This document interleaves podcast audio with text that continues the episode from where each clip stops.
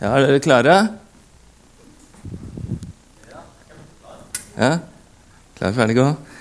Klar for uh, å ta inn Guds ord. Det er bra. Vi lever ikke av brød alene, men av hvert ord som går ut av Guds munn. Ustanselig. Det er bra. Sånn. Uh, jeg har en avisreportasje her sånn, som jeg har tatt vare på i ganske lenge. Faktisk i noen år. Eh, jeg syns den var så fin. Eh, forsiden var sånn. Det var i VG. Slik fikk vi kjærligheten til å være evig. Møt tre av Norges eldste ektepar. Vært gift i 71 år. Olav er 100 år, og Elise er 101 år.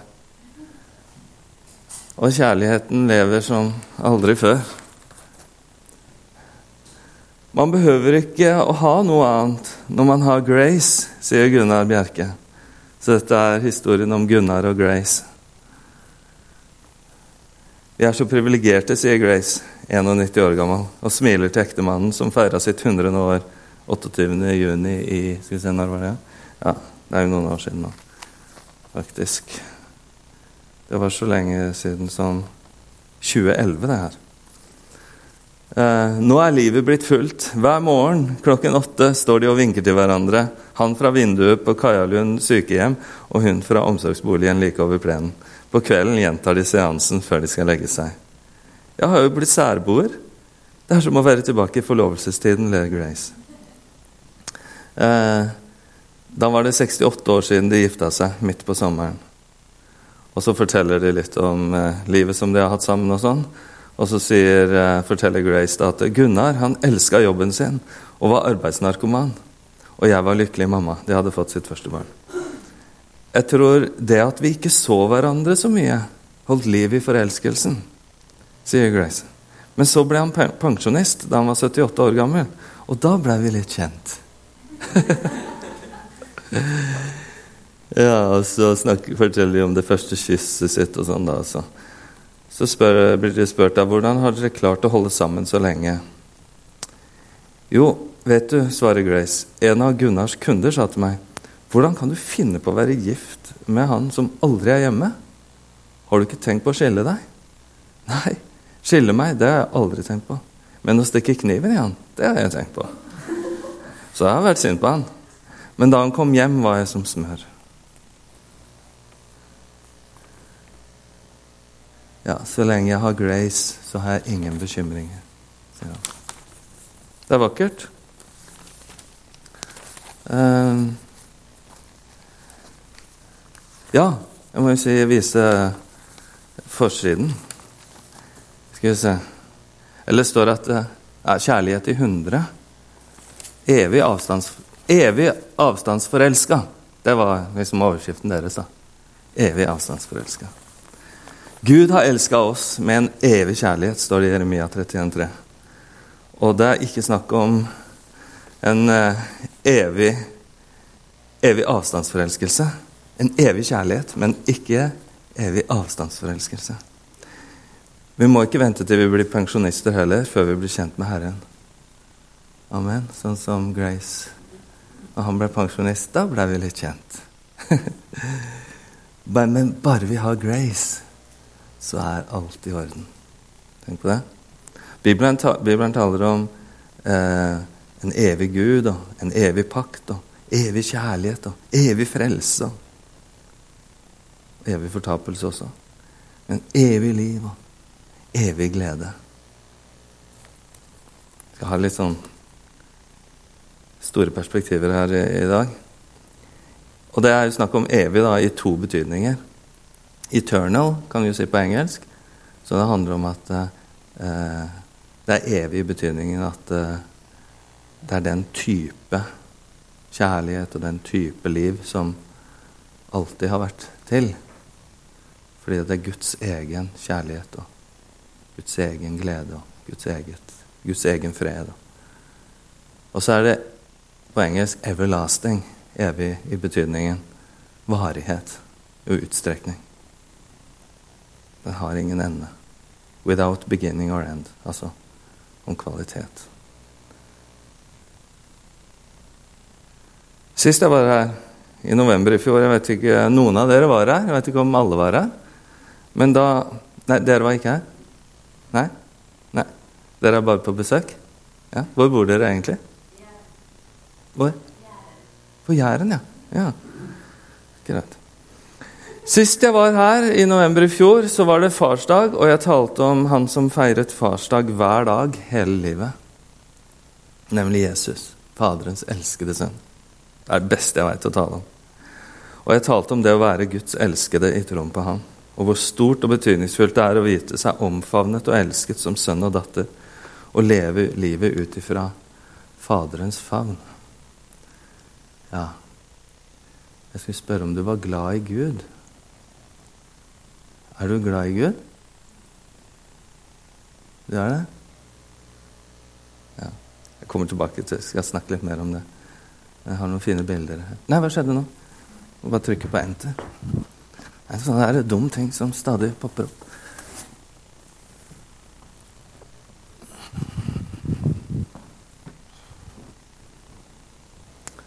Blir det gjort opptak av talen?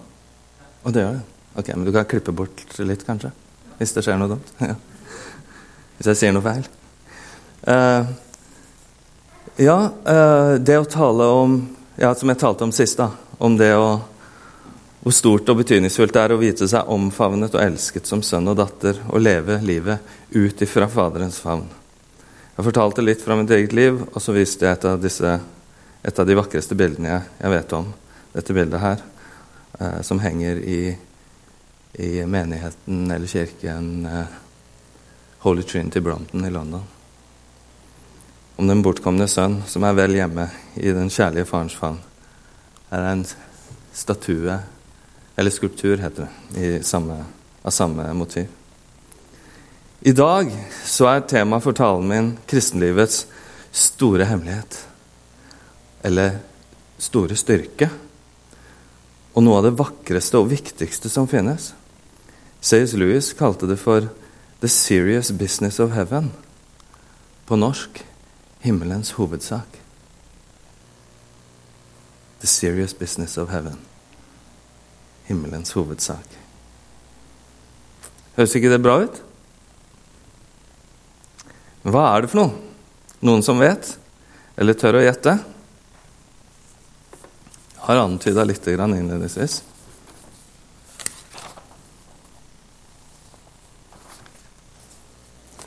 Svaret på hva som er himmelens hovedsak, er rett og slett gleden.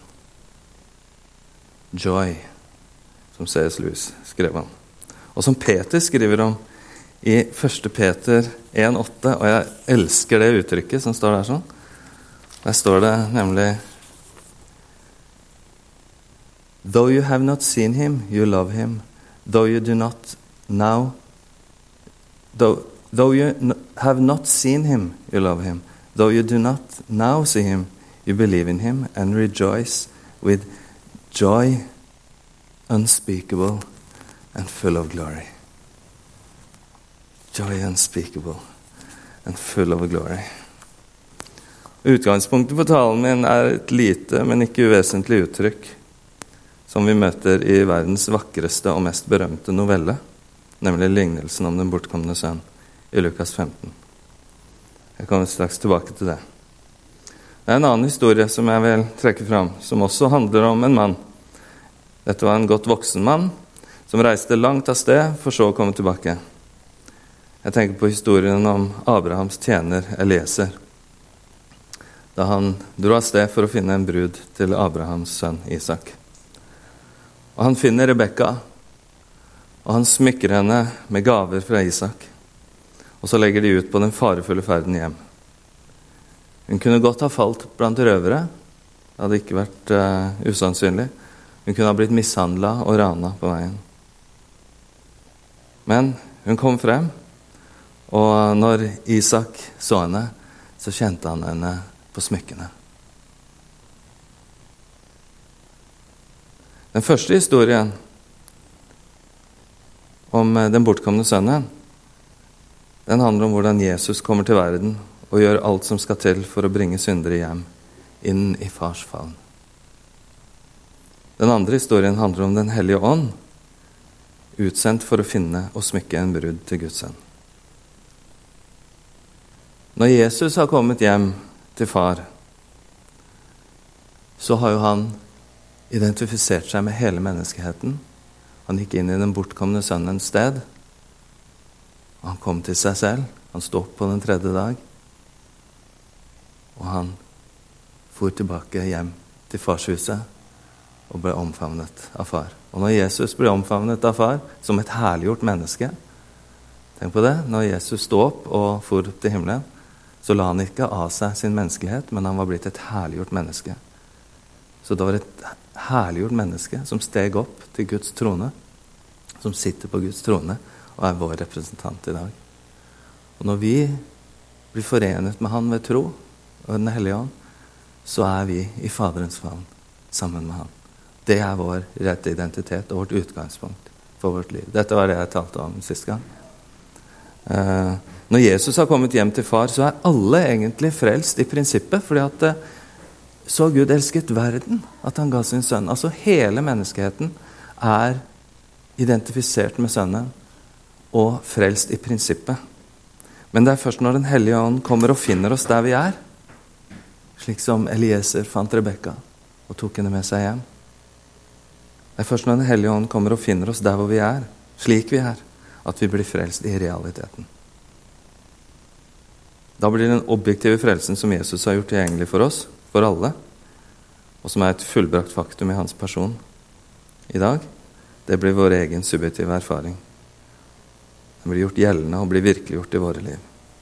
Det er da vi blir frelst og født på ny.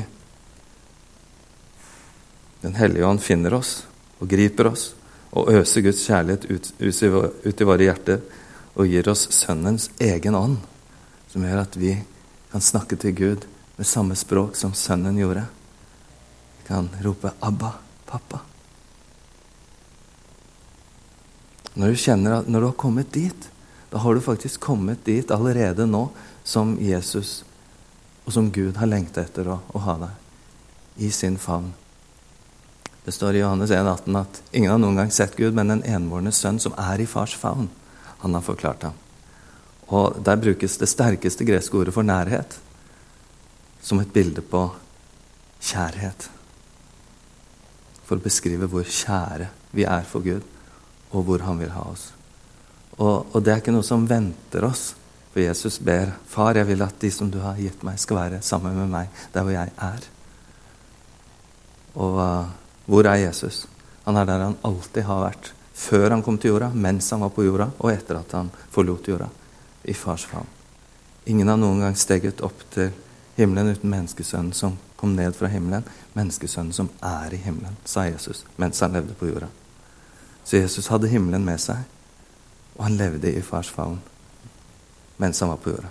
Der hvor han alltid hadde vært før skapelsen ble til, og hvor han selvfølgelig er nå, der var han også som menneske. Og det kan bli vår erfaring og vår kjernen i vår personlighet og vår identitet. At vi er elsket sønn og datter. Vi er i fars favn. Og derfra lever vi vårt liv. Derfra møter vi virkeligheten. Og da kan veldig mye skje. Der er det kraft, der er det håp. Der deler Jesus sin glede, sin fred og sin ånd med oss. Så det er mektig. Det er så herlig. Og um, Så Jesus han gir oss Sønnens egen ånd, eller Den hellige ånd gir oss Sønnens ånd, som gjør at vi roper 'Abba, far', og så får vi noen smykker som vi skal bære på veien hjem. Akkurat som Rebekka fikk av Elieser.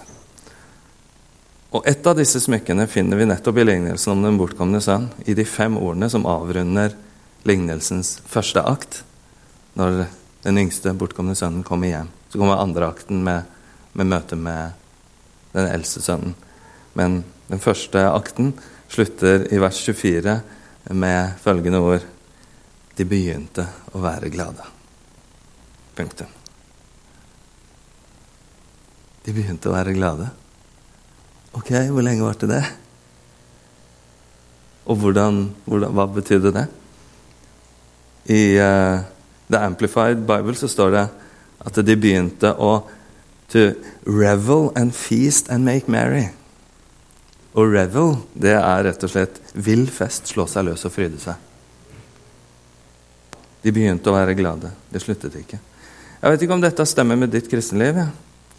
Eller hvordan det var når du var nyfrelst. Kan du tenke tilbake på en tid da du var nyfrelst og du ble tatt av gleden, som biografien til C.S. Lewis heter på norsk. Tatt av gleden. Surprised by joy. The serious business of heaven. Himmelens hovedsak. Du ble tatt av gleden, eller hvordan var det? For gleden er ikke bare en liten bonus, en liten bling som vi pynter oss med når vi skal jåle oss litt ekstra. Nei, gleden er en hovedsak. Det er åndens frukt og kristenlivets kronjuvel. Se Galaterne 5.22 og Lukas 2.10-14. Den er så verdifull og vakker, og derfor også så viktig at det er naivt å tro at, den, at ikke den onde vil prøve å stjele den fra oss. Det var farlig for Rebekka å reise hjem med alle disse flotte smykkene på seg. Mange som hadde villet røve de fra henne. Og det er naivt å tro at ikke den onde vil prøve å røve gleden fra oss. Så det var da jeg skulle ha det bildet som spurte om du var glad i Gud. Men her står det 'glede i Gud'. Har du glede i Gud? For når jeg spør om du er glad i Gud, så spør jeg ikke bare om, om du er glad. Eller om du er glad Om du, om du liker Gud. Liksom, At du er glad i Gud. At du setter pris på Gud. Men om du er glad i Gud, i livet ditt med Gud, om du har glede i Gud, gir det deg glede. Å være glad i Gud, ikke bare sette pris på ham, verdsette ham og ha ham som vårt hjertes største skatt, men å finne glede i ham. Eller finner vi gleden vår andre steder? Gud er god å ha, men gleden min finner jeg andre steder. Å være glad på grunn av Gud. Gleden er så vakker og viktig. Den er sjelevinnernes og martyrenes kraft og hemmelighet. Og så er den faktisk Guds familietrekk. Jesus var salvet med gledens olje fremfor sine brødre. Så jeg tror Jesus var glad igjen. Jeg har alltid Jeg tror jeg sa det sist jeg var her òg, at jeg, har alltid vært en glad gutt. Og det har hjulpet meg utrolig mye gjennom livet. Og ikke minst eh, etter at jeg ble frelst og, og fikk eh, gleden av å høre at han kalte meg til etterfølgelse. Og jeg fikk lov til å selge alt jeg eide, hoppe i kollekten og gi mitt liv til Gatemisjon. For jeg møtte jo en gæren gjeng som drev med, med Gatemisjon på fulltid. Eh, og reiste rundt som gatemisjonærer i Norge. Så jeg hoppa i kollekten og ga alt. Og opplevde det som en så stor glede. Tenk at jeg kan få lov til å tjene Jesus sine disipler med mitt liv. Og med min, med min materielle gode. Så Og så, ikke minst eh, Få oppleve at når, når det ble mørkt på vår vei, og kona fikk kreft og, og var syk i drøyt fire år og, og døde, og jeg ble alenepappa for fire barn og oppleve at jeg hadde, har en kilde, en gledeskilde, som bare gir så bærekraft og styrke til livet. Det, det har vært uh, utrolig stort å oppleve. Gleden i Herren er vår styrke, står det i Det gamle testamentet. Så hvordan kan jeg finne glede i Gud, da? Det kan jo være et viktig spørsmål for noen. Jeg vet at tanken på Gud burde gjøre meg glad. Men den gjør det ikke. Jeg burde være glad i Gud, fri i Gud, takknemlig i Gud. Det er i Han jeg lever og rører meg her til. Men det er ikke sånn jeg har det. Kanskje det er noen som kjenner seg igjen i det. I Lukas 2, 10 og 14 så står det, så sier englene jeg forkynner dere en stor glede. Mange steder i Nytestamentet så står det om stor glede.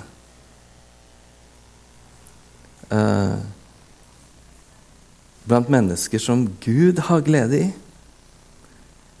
Evangeliet er det glade budskapet, det vet vi, om en stor glede, Gode nyheter fra en glad Gud. Har du fått med deg det? Et fint bilde av Jesus her, sånn, som eh, smiler og Kanskje det var sånn han så ned når han hørte røsten fra Faderen ved dåpen som sa, 'Du er min sønn, den elskede. I deg har jeg velbehag.' Det var ikke bare kraft som kom over ham til tjeneste, men det var også fars bekreftende ord og fars bekreftende smil. Jeg tror det var eh, godt for Jesus. Jesus var et sant menneske, selv om han var Guds evige sønn og andre personen i guddommen, så var han et virkelig menneske under våre kår. Å få vite at uh, han hadde en pappa som elska han og så han og var med han. Jeg hadde jo ikke det. Jeg vokste jo ikke opp med en nærværende far. Men så blei jeg far i 1995. Og så, etter hvert, så begynte Gud også virkelig gjøre meg til sønn. La meg få sted inn i gleden av å være sønn. Og så ble han min pappa. Så, men har du en glad Gud, egentlig? Det er det det handler om. For det er umulig å være glad i en gledeløs, gledesløs Gud. Så hvordan er vårt bilde av Gud? Hvordan tenker vi om Han? Hvordan kjenner vi Han? Kjenner vi Han slik Han er?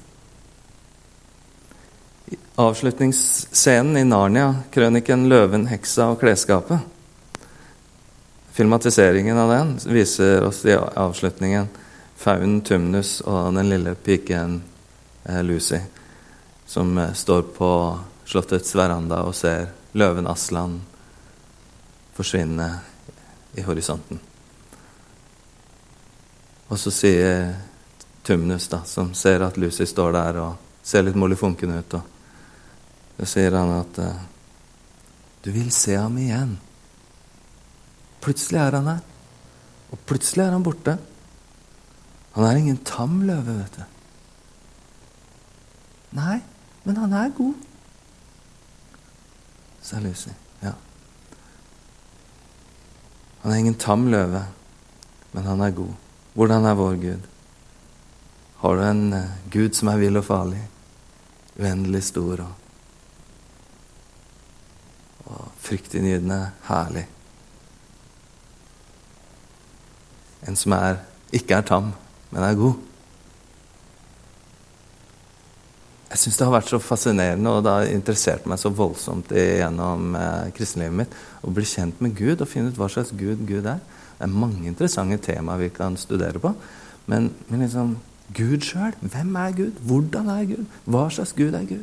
Hva er Guds egenskaper? Hvordan er Guds karakter? Og, og, og dit den eh, eh, lidenskapen og, og sånn har ført meg, har ført meg rett og slett til treenigheten. For det finnes ikke noe større åpenbaring av Guds vesen og karakter. Gud er én, men han er tre. Gud er et fellesskap med fullkommen kjærlighet. Selvutgivende kjærlighet. Og, og hvis du vil eh, gjøre et fantastisk eh, givende studium, og hvis du tror at Jesus deler sin relasjon med far til far med deg. Hørte du hva jeg sa? At Jesus deler, sønnen deler sin relasjon til far med deg. Så må det jo være voldsomt interessant å bli, å, å bli skikkelig eh, opplyst om hvordan er relasjonen mellom Faderen og Sønnen. Hva er det som skjer mellom Faderen og Sønnen? For det er det evige livet. At de kjenner deg, den eneste sanne Gud, og Han du utsendte, Jesus Kristus. Relasjonen mellom Faderen og Sønnen. Ta deg tid til å fordype deg i det hvis du ikke har gjort det. For det er det som Jesus deler med deg. Han deler sin relasjon med Faderen med deg. Uh, Spurgeon sa om Bibelen at jeg ser på Bibelen som en løve. En løve trenger jeg ikke å forsvare. Jeg slipper den bare ut av buret, så forsvarer han seg sjøl. Det samme kan sies om Gud. Gud trenger vi ikke å forsvare. Likevel så fins det en tradisjon blant kristne filosofer, teologer og evangelister som handler om å forsvare Gud og den kristne troens posisjoner. Teodisé og apologetikk kalles det. Og jeg har selv vært Guds forsvarer, da. F.eks. på Skepsisuka og sånn på flere universiteter og høyskoler og rundt omkring. på ungdomsskole og videregående. Eh, og det har selvsagt en plass. Judas snakker jo om at når jeg skrev til dere, så er vi nødt til å be dere formanne dere til å stride for den tro som en gang er overgitt til hellige. Og Paulus sier at vi alltid skal være rede til å forsvare oss for dette håpet som bor i oss. Så det er ordet apologetikk kommer fra apologi, apologia. Eh, forsvar. Men når det gjelder den allmektige Gud, så trenger selvfølgelig ikke han oss feilbarlige og begrensede mennesker til å forsvare, unnskylde eller rettferdiggjøre seg. Men selv om vi ikke trenger å forsvare Gud, så kan det likevel være at at uh, hans rykte må renvaskes. Ikke fordi han har gjort noe galt, men fordi vi som har navn av å bære hans bilde og representere hans rike og tale hans sak, vi har ikke alltid gjort det like bra. Jeg har to fascinerende bøker i hylla mi. Den ene heter 'Sinners in the Hands of an Angry God' av Jonathan Edwards fra The Great Awakening, en av de virkelig store. Det er verdens mest berømte preken. Det eh, eh, sies at det lukta svovel mens han talte. Og skarer blei frelst og gråt og var helt sønderknust og lå og vrei seg og, eh, og var ja, Sinners in the hands of an angry God. Det høres ut som en veldig skremmepreken, men det er i hvert fall Det er verdens mest berømte preken. og den fås i en sånn liten booklet-form. Men så har jeg en annen bok som heter 'Saints in the Arms of a Happy God'. Saints in the Arms of a Happy God. Den første er en gjengivelse av verdens mest berømte og beryktede tale. Eh, og den andre eh, kommer i rekken av en, eh, av en del nyere bøker da, som søker å gjenopprette bildet av Gud eller reinvaske ryktet hans i verden. Og Det er ingen tvil om at Gud har blitt misrepresentert og misforstått av mange. Brennan Manning, en av mine favorittforfattere, han sa at the greatest single cause of atheism in the world today is Christians who acknowledge Jesus with their lips, walk out the door, and deny him by their lifestyle. That is what an unbelieving world simply finds unbelieving.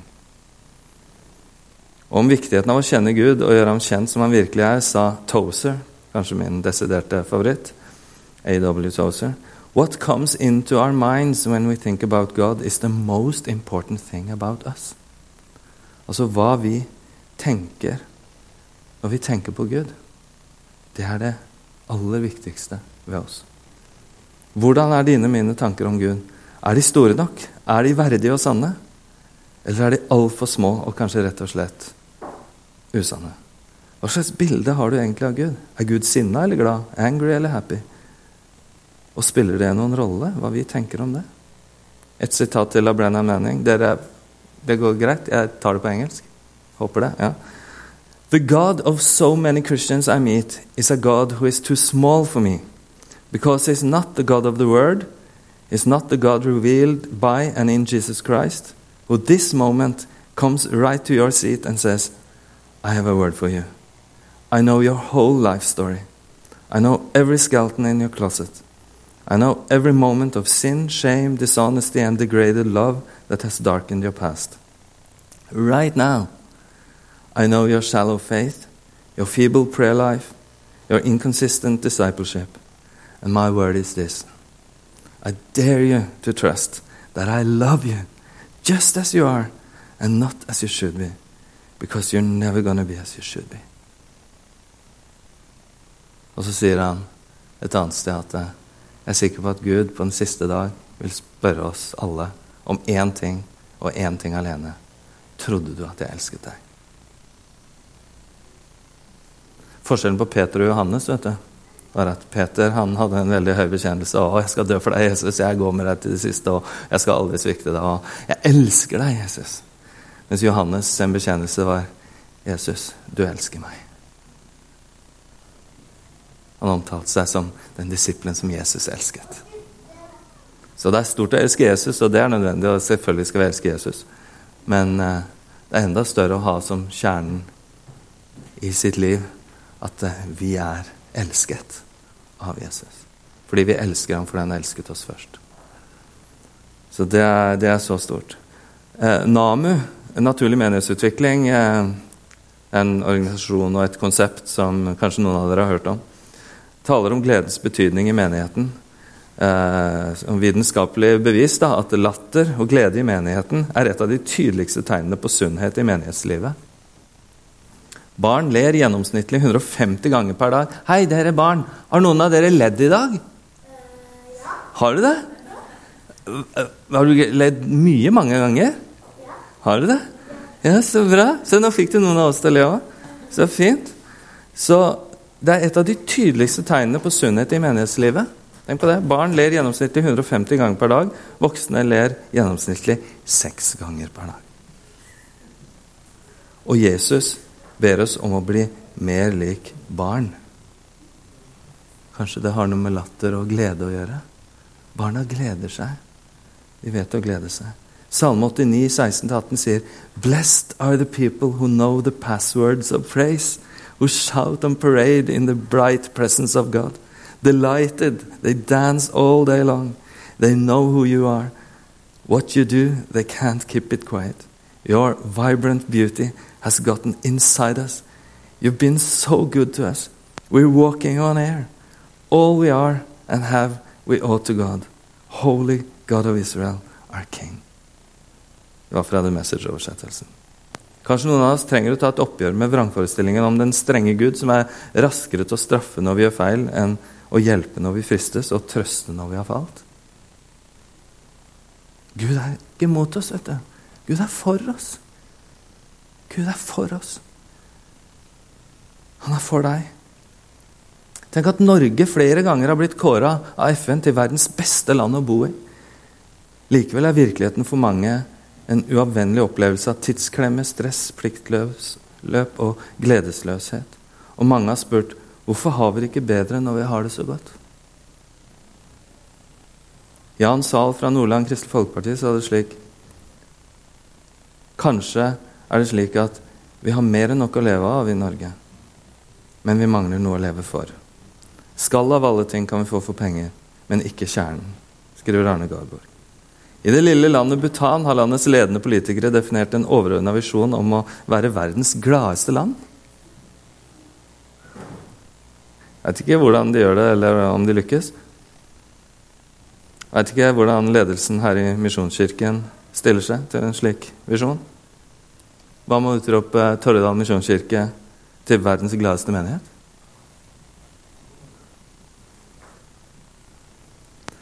Eller er det umoralsk å etterstrebe og lovprise gleden i en verden som herjes av smerte og savn? Er det upassende å være et gledesstrålende menneske? Da jeg var uh, ung, så bodde jeg sammen med en kompis som hadde veldig psykiske problemer og veldig plaga av depresjon. Det endte med at han tok sitt liv og hang seg. Men eh, uh, det var en gang at uh, han hadde et sammenbrudd, og jeg hadde bil. Og han var jo ikke i stand til å kjøre.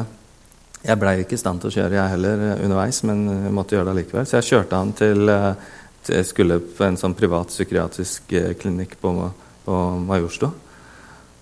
og så på veien dit så begynner han å skjelle meg ut og, og, virkelig bare gyve løs på meg om hvor naiv og blåøyd og dum og fjern og elendig jeg var. Uh, og jeg begynte rett og slett å grine. Og han begynte å grine. Og vi grein, hulkegrein som noen Ja, helt utrolig. Eh, vi var jo ganske originale gutter, da, som vi var i begynnelsen av 20-åra. Og jeg hadde langt rastahår med superlim i, floker over hele huet. Eh, og vi drev jo med dop, og vi hadde tulla oss borti så mye rart. Og nå kjørte vi der på vei til denne klinikken, og vi grein om kapp. Og så kommer vi inn da, og sitter på venterommet. Og vi klarer ikke å stoppe. Og griner og griner. Og så kommer det en, eh, en eh, som jobba der, da, kommer ut og spør hva, hva, vi skal, og hva som skjer. Uh, jo, han, treng, trenger, han skal inn til psykiater, og sånn fikk jeg stamma ut. Uh, og så Ja, men dette her er jo en privat fødeklinikk. Så, så da da stilna gråten litt, og så kom vi oss videre. Eh, det er jo ganske morsomt, men ganske tragisk, egentlig. Forskning har vist at depresjon er likestilt med røyking i det at begge med 50% sannsynlighet forkorter livet. På Filippinene så er det en menighetsbevegelse som kalles The Happy People. De er kjent for sin overstrømmende glede til tross for fattige kår, motstand og forfølgelse. Så det er ikke snakk om overfladisk og virkelighetsfjern glede. Vi skal ikke gå på smilekurs og liksom nå, nå, La oss glede oss, folkens. Nei, for ekte glede tåler livet, sier Marie Åkre. Det finnes de som smiler uten å være glad. Det er ikke de jeg tenker på. Så den sanne gleden, den bor inni oss og har ikke sin grunn i ytre omstendigheter. Det står i 2. Korin 6,10 som sørgende, men alltid glade. Så da, da er gleden noe, noe dypt noe. Noe svært noe. Noe som vi ikke må strebe etter, men som hjelper oss med alt vi strever med. Um, og hva er den sanne gledens dypeste kilde? Hva er det om, Faderens omfavnelse taler om? Jo, det er nåde. Og Det greske ordet nåde det er charis. Og det greske ordet for, for glede det er evcharist. Evcharisti. Og det er det vi også kaller nattverden. Et gledesmåltid. Evkaristien. Philip Jansi han forteller i boken 'Nådens gåte' at han hadde spurt et antall mennesker hva det ville si hvis han sa ordene 'evangelikale kristne'. Av alle svarene han fikk, var det ingen som kom i nærheten av nåde. Han skildrer nådeløsheten i det moderne samfunnet, og han viser hvordan den også har sneket seg inn i den kristne kirke. Og det er forstemmende og urovekkende lesning. Dette er i boken 'Nådens gåte', eller uh, 'What's So Amazing About Grace' på engelsk. Uh, han forteller en historie om en liten gutt som var med mor i kirken. Og den lille hjerteknuseren smilte bredt til alle han kunne få kasta blikket sitt på. Han bråkte ikke, skreik ikke, maste ikke, sikla ikke, gulpa ikke, hoppa ikke opp og ned i stolen og reiv ikke ut sidene i sangboka. Han bare så på folk rundt seg med store, blå øyne og smilte fra øre til øre. Moren tok han omsider hardt i armen, så strengt på ham og sa, 'Se hold opp med deg der!' Og så, mens tårene rant nedover guttens kinn, kunne moren vende tilbake til bønnen. Hvis vi gjorde en lignende undersøkelse på Torridal og sa 'kristen i Torridal' eller Misjonskirken, hva ville folk si da? Vil de svare med noe i retning av nåde eller glede? Eller hvordan er det på Jæren? Kristne på Jæren? Hva er det vi er kjent for? Hva er det vi er mest kjent for som kristne eh, og eh, ja, kristne i Norge i vår tid? I, eh, det jo, ikke, handler ikke akkurat om glede, men godhet. Eh, vi skal snart ha godhetsuke i Mandal. Vi, vi, har etablert Godhet Mandal som en del av Godhet Norge. Og det er en sånn godhetsbevegelse som går over landet, som ut, har utspring i Imi-kirken i Stavanger. Små ting gjort i kjærlighet kan forandre, forandre verden. Og det er lett å stå sammen med andre kristne om godhet. Og, og det gjør godt å gjøre godt. Og det er saligere å gi enn å få. Og en blir glad av å gjøre godt. Og eh, når, eh, når i, De forteller jo historier da, i, fra Imerkirken sånn, hvordan de på butikken og rundt omkring når de ferdes i dagliglivet, så, så har de ofte blitt, fått spørsmålet, da eh, Eh, når de gjør godhet, da F.eks. betaler eh, for en som ikke kunne betalt for seg i butikken, eller et eller annet sånt. Og så liksom Ja, men det går jo ikke an, det. Kan ikke være går, det, altså, Sånn er jo ikke verden. Og er dere forresten de der gode folka? Er dere de der fra IMI? Så de, de, har fått etablert en slags godhetskultur da, gjennom en god del år som de har holdt på med, med dette her. Og de er kjent for godhet. Hva er det vi er kjent for? Er det godhet og nåde og glede? Eller hva er vi kjent for? Om Jesus så, så sto det at, eh, at, han var salvet med gledens olje. Derfor syns jeg det bildet her er så utrolig fint. Han er en glad Jesus. Og en glad Gud. Og om menigheten i Det nye testamentet så det at, står det at uh, disiplene ble fylt av glede og Den hellige ånd. Og Det ble stor glede der i byen. Og de dro tilbake til Jerusalem, Full av glede. Sånne ting står det. Og til menigheten gjennom alle tider så lyder den apostoliske formaningen Gled dere i Herren, alltid igjen vil jeg si gled dere. Og det skrev Paulus fra fengselet, dypt inne i fengselet. Så dette her er viktig fordi at uh,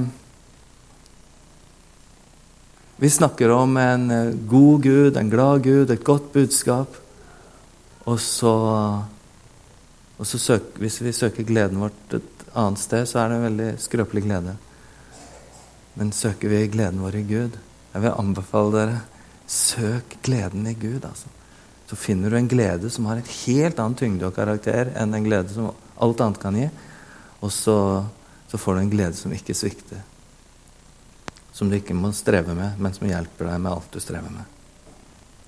Amen. Så også slipp gleden løs, da.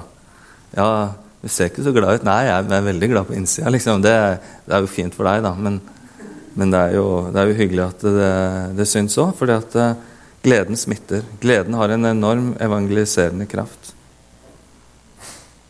Så Og hvis det ikke gir oss glede å være kristne, så, så kanskje vi trenger også å fatte et annet sinn, omvende oss, tenke annerledes, tenke Guds tanker om oss sjøl og så sier Jesus også Hittil har dere ikke bedt om noe i mitt navn, men be, og dere skal få, for at deres glede kan være fullkommen. Han sier i Johannes 15 at eh,